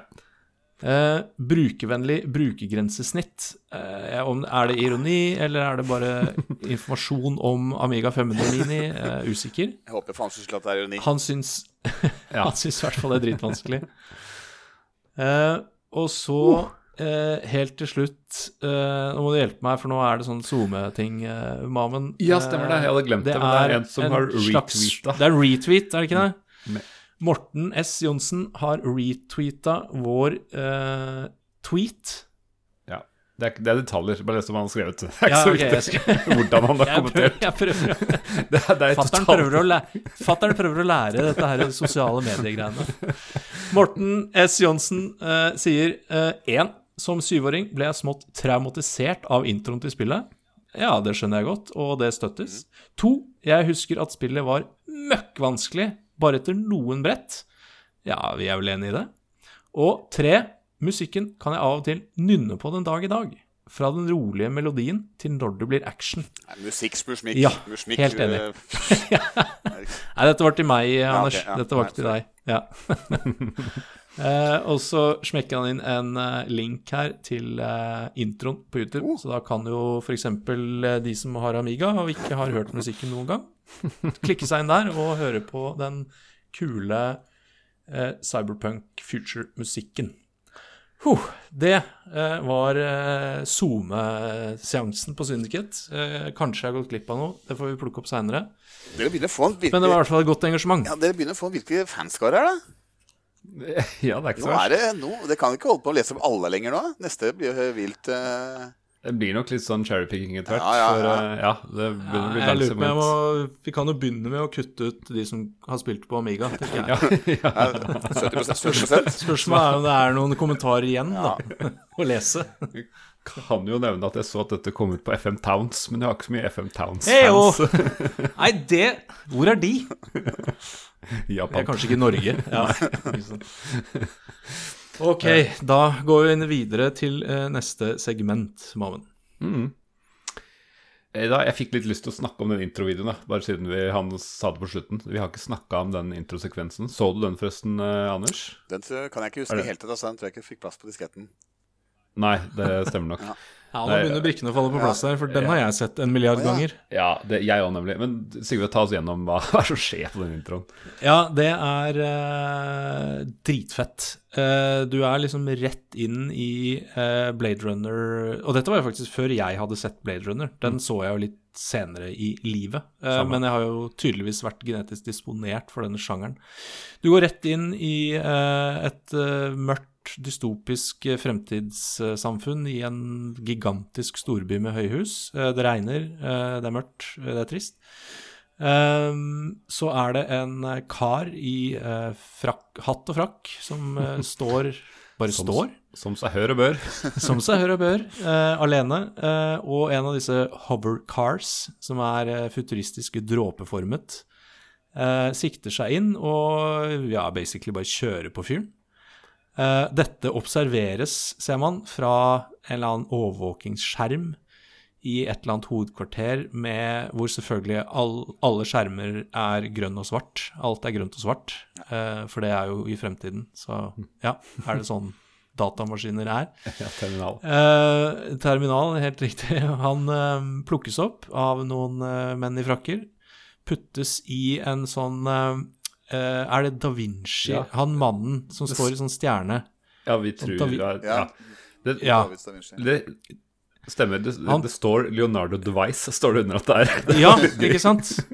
Den derre da Vinci-tegningen av Ja. human man. Ja. Vitru- Vitrutske mannen, eller noe sånt tror jeg den heter. Men, Et ja, eller annet whatever. Eh, vi er gamere, ikke artig, ja. Vi, ja. Og jeg er en dårlig gamer attpåtil. Anyways, uh, han stroppes opp i en svær uh, sirkel, hvor det da kommer sånne gigantiske robotarmer som bare zoom, zoom, skreller av han armer og bein, og bytter det ut med robotbein. Uh, og han får på seg hatt og frakk igjen, kanskje samme han hadde på tur inn, jeg vet ikke. Og eh, går ut i eh, gatene og eh, skal vi, Han sikter vel på kamera eh, med noe sånn Ja. lasersikte. Stemmer. Og så kommer det eneste jeg vil si Negativt, negative, liksom estetisk, der syns jeg de glapp litt. Så skyter han liksom på kamera, sånn bishu, bishu!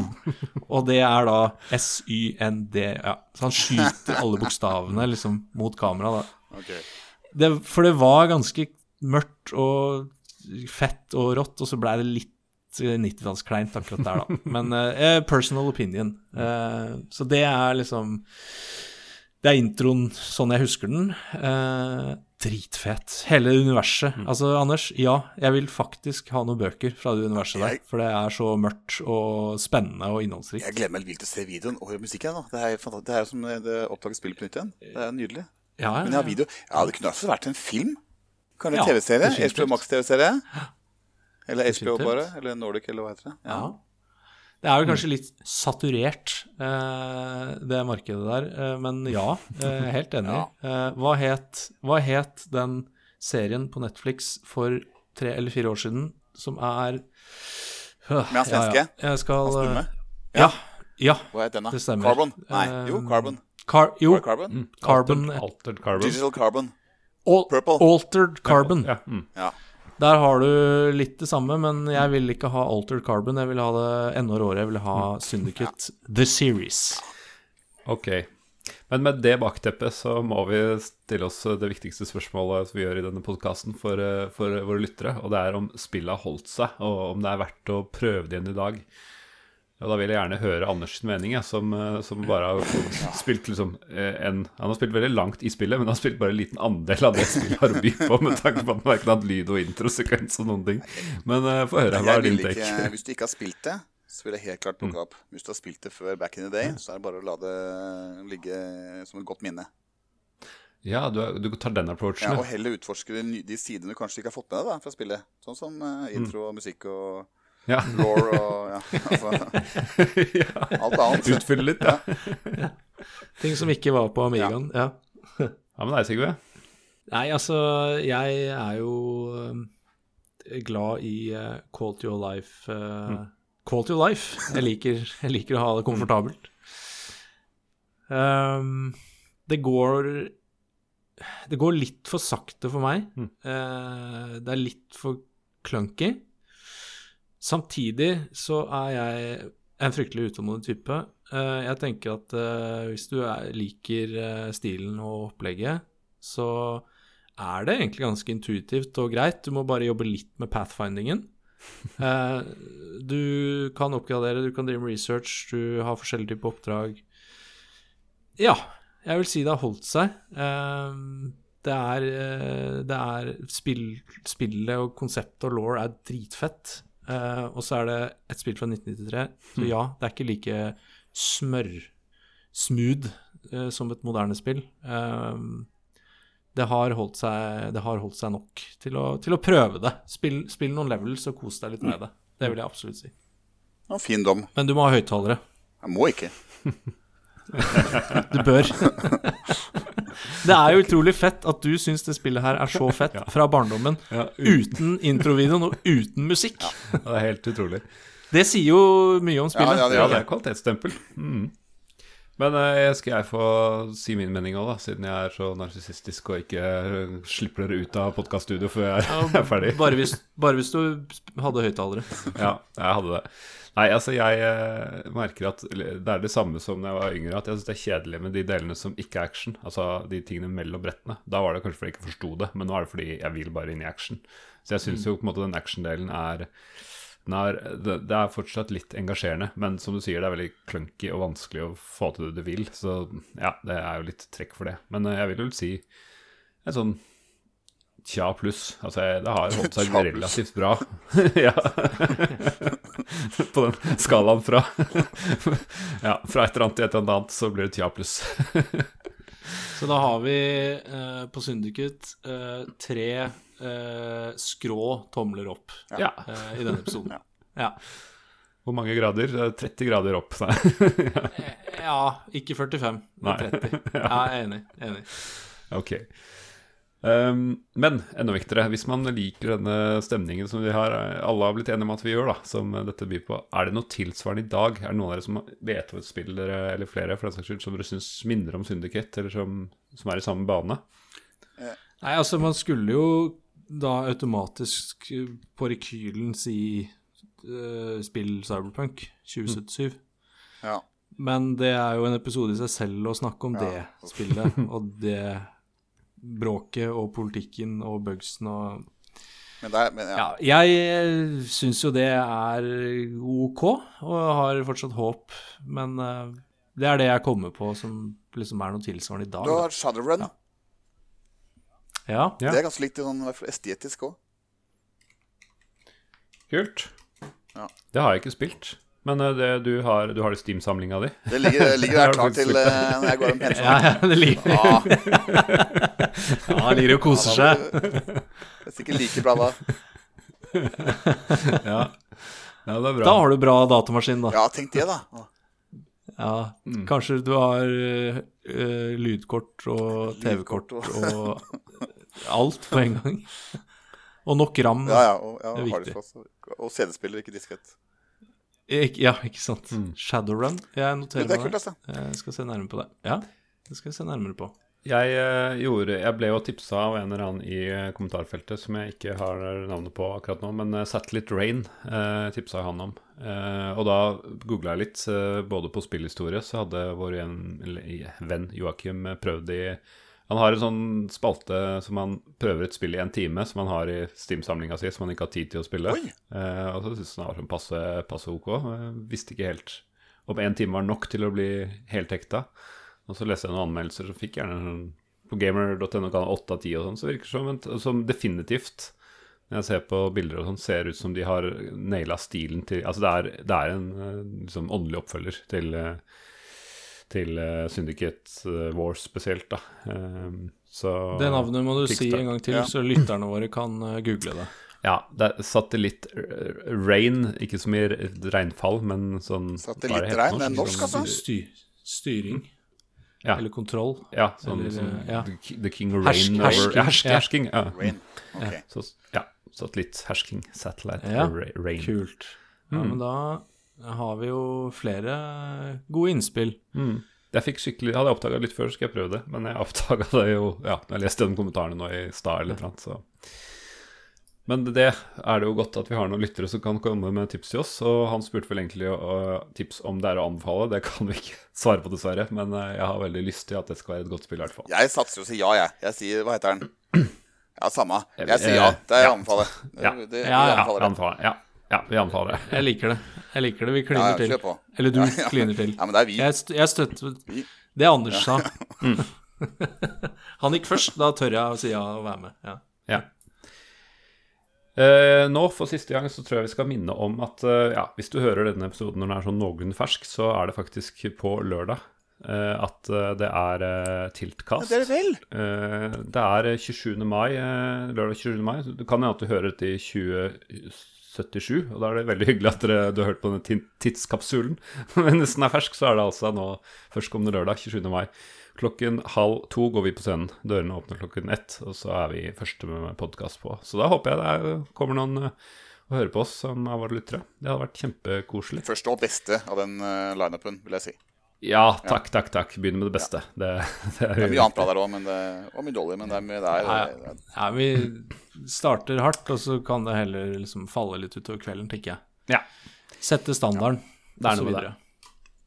Ok, Sigve, du pleier å ha et lite tips til meg på tampen, som jeg tror du, du har huska på denne gangen, kanskje? Ja, ja, ja. Jeg har, eh, jeg har et tips. Eh, Jeg eh, liker jo eh, Jeg ser jo eh, på mine tidligere tips at eh, det ofte er litt sånn eh, eh, Knytte dagen til fortiden. Hvis du, eh, hvis du liker eh, et dystopisk eh, samfunn hvor du kun tenker profitt og ofrer menneskeliv for ja, profitt, og kan bytte kroppsdeler og bygge cyborg-hærer og ja. Mitt tips kjøp og installer Rimworld. Det er et helt sykt gøy eh, spill eh, med et utrolig barnslig grafikkgrensesnitt. Eh, men det er altså så dypt og omfattende at det hjelpes meg. Eh, der kan du bytte kroppsdeler. Du kan drepe folk og spise delene av de hvis du trenger det. Eller du kan skape en fantastisk utopi. Jeg har brukt mange hundre timer på Rimworld. De fleste har sikkert hørt om det. Hvis ikke, eh, prøv det. Og hvis du har hørt om det, prøv det på nytt. Så det er mitt tips i dag. Ok, kult. Kult. Og så må vi jo øh, Ja, vi kan jo begynne med å si hva sist neste episode blir etter, etter tilkast. Det er uh, Dig Dug. Som Oh, en gammel klassiker. Ja! Dig Dug. Får jeg komme tilbake da, eller?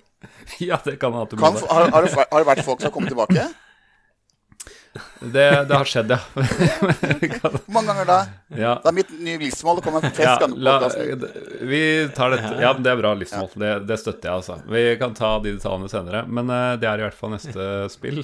Og så må jeg si, når, når du bryter inn, du er så entusiastisk, Anders. Det er veldig, veldig hyggelig å ha deg Dig med. Det er jo Eh, dritkult. Veldig kult. Ja. Det, da hadde du tid til å spille, da, når det, kom, det var nytt. Det spilte onkelen min med lyd, til og med, på hans PC. Så det passer, Oi. passer mye bedre inn. Ja, da, da tror jeg Da tror jeg vi Jeg skal ikke love noe, men da tror jeg vi har bestemt oss for gjesten på Digg Dag. Det kan hende. Kan hende. Anyways, tusen takk, Anders. Eh, Har du eh, lyst til å plugge din egen eh, YouTube-kanal, eller er det Ja, jeg, jeg, jeg, har, jo, jeg har jo to plugs. Ja, ok. Ja. Ja, Det ene er jo eh, YouTube-kanalen min. Flokroll Projects. Ja. Det må du si en gang til. Flokroll Projects. Prosjekt. Det er jo ja, det er et teit navn å plugge. Ja, der er bare å subscribe. Og så er det jo uh, plugg nummer to. Det er jo eh, appen Oslo-nøkkelen. Som er en, uh, Ja. er en. Så hvis alle laster ned den og gir den fem stjerner, så gjør det jobben til meg og mammen mye enklere. Nice, Anders. Det er Det er den råeste pluggen jeg har hørt i mitt liv. Du plugger et kommunalt prosjekt. det er ganske rått. Konge. Ja. ja, men du har en eh, Jeg vet ikke om Jeg, jeg driver og avinstallerer den appen, men eh, du har fått en ny follower på Flokroll Projects. Ja, ja, flott. Én av to. Det går. Ja, ja, ja. Yes, det er eh, Det viser jo hvor handy du er ved mekker ting. Eh, Ja, bygge- det er jo egentlig Det er sånn Oslo-nøkkelen holder på generelt. Det er å fikse og mekke ting. Eh, Skulle bare visst. og det gjør du på praten òg. All right, men eh, ok, da er det vel egentlig bare å si tusen hjertelig takk for eh, to Nei, ja, det var ikke to timer, men én time og tre kvarter nesten med underholdning fra oss tre. Og tusen takk til deg, eh, Anders. Så hyggelig. Og på gjensyn. Ja. Fett. Ha det bra. 好嘞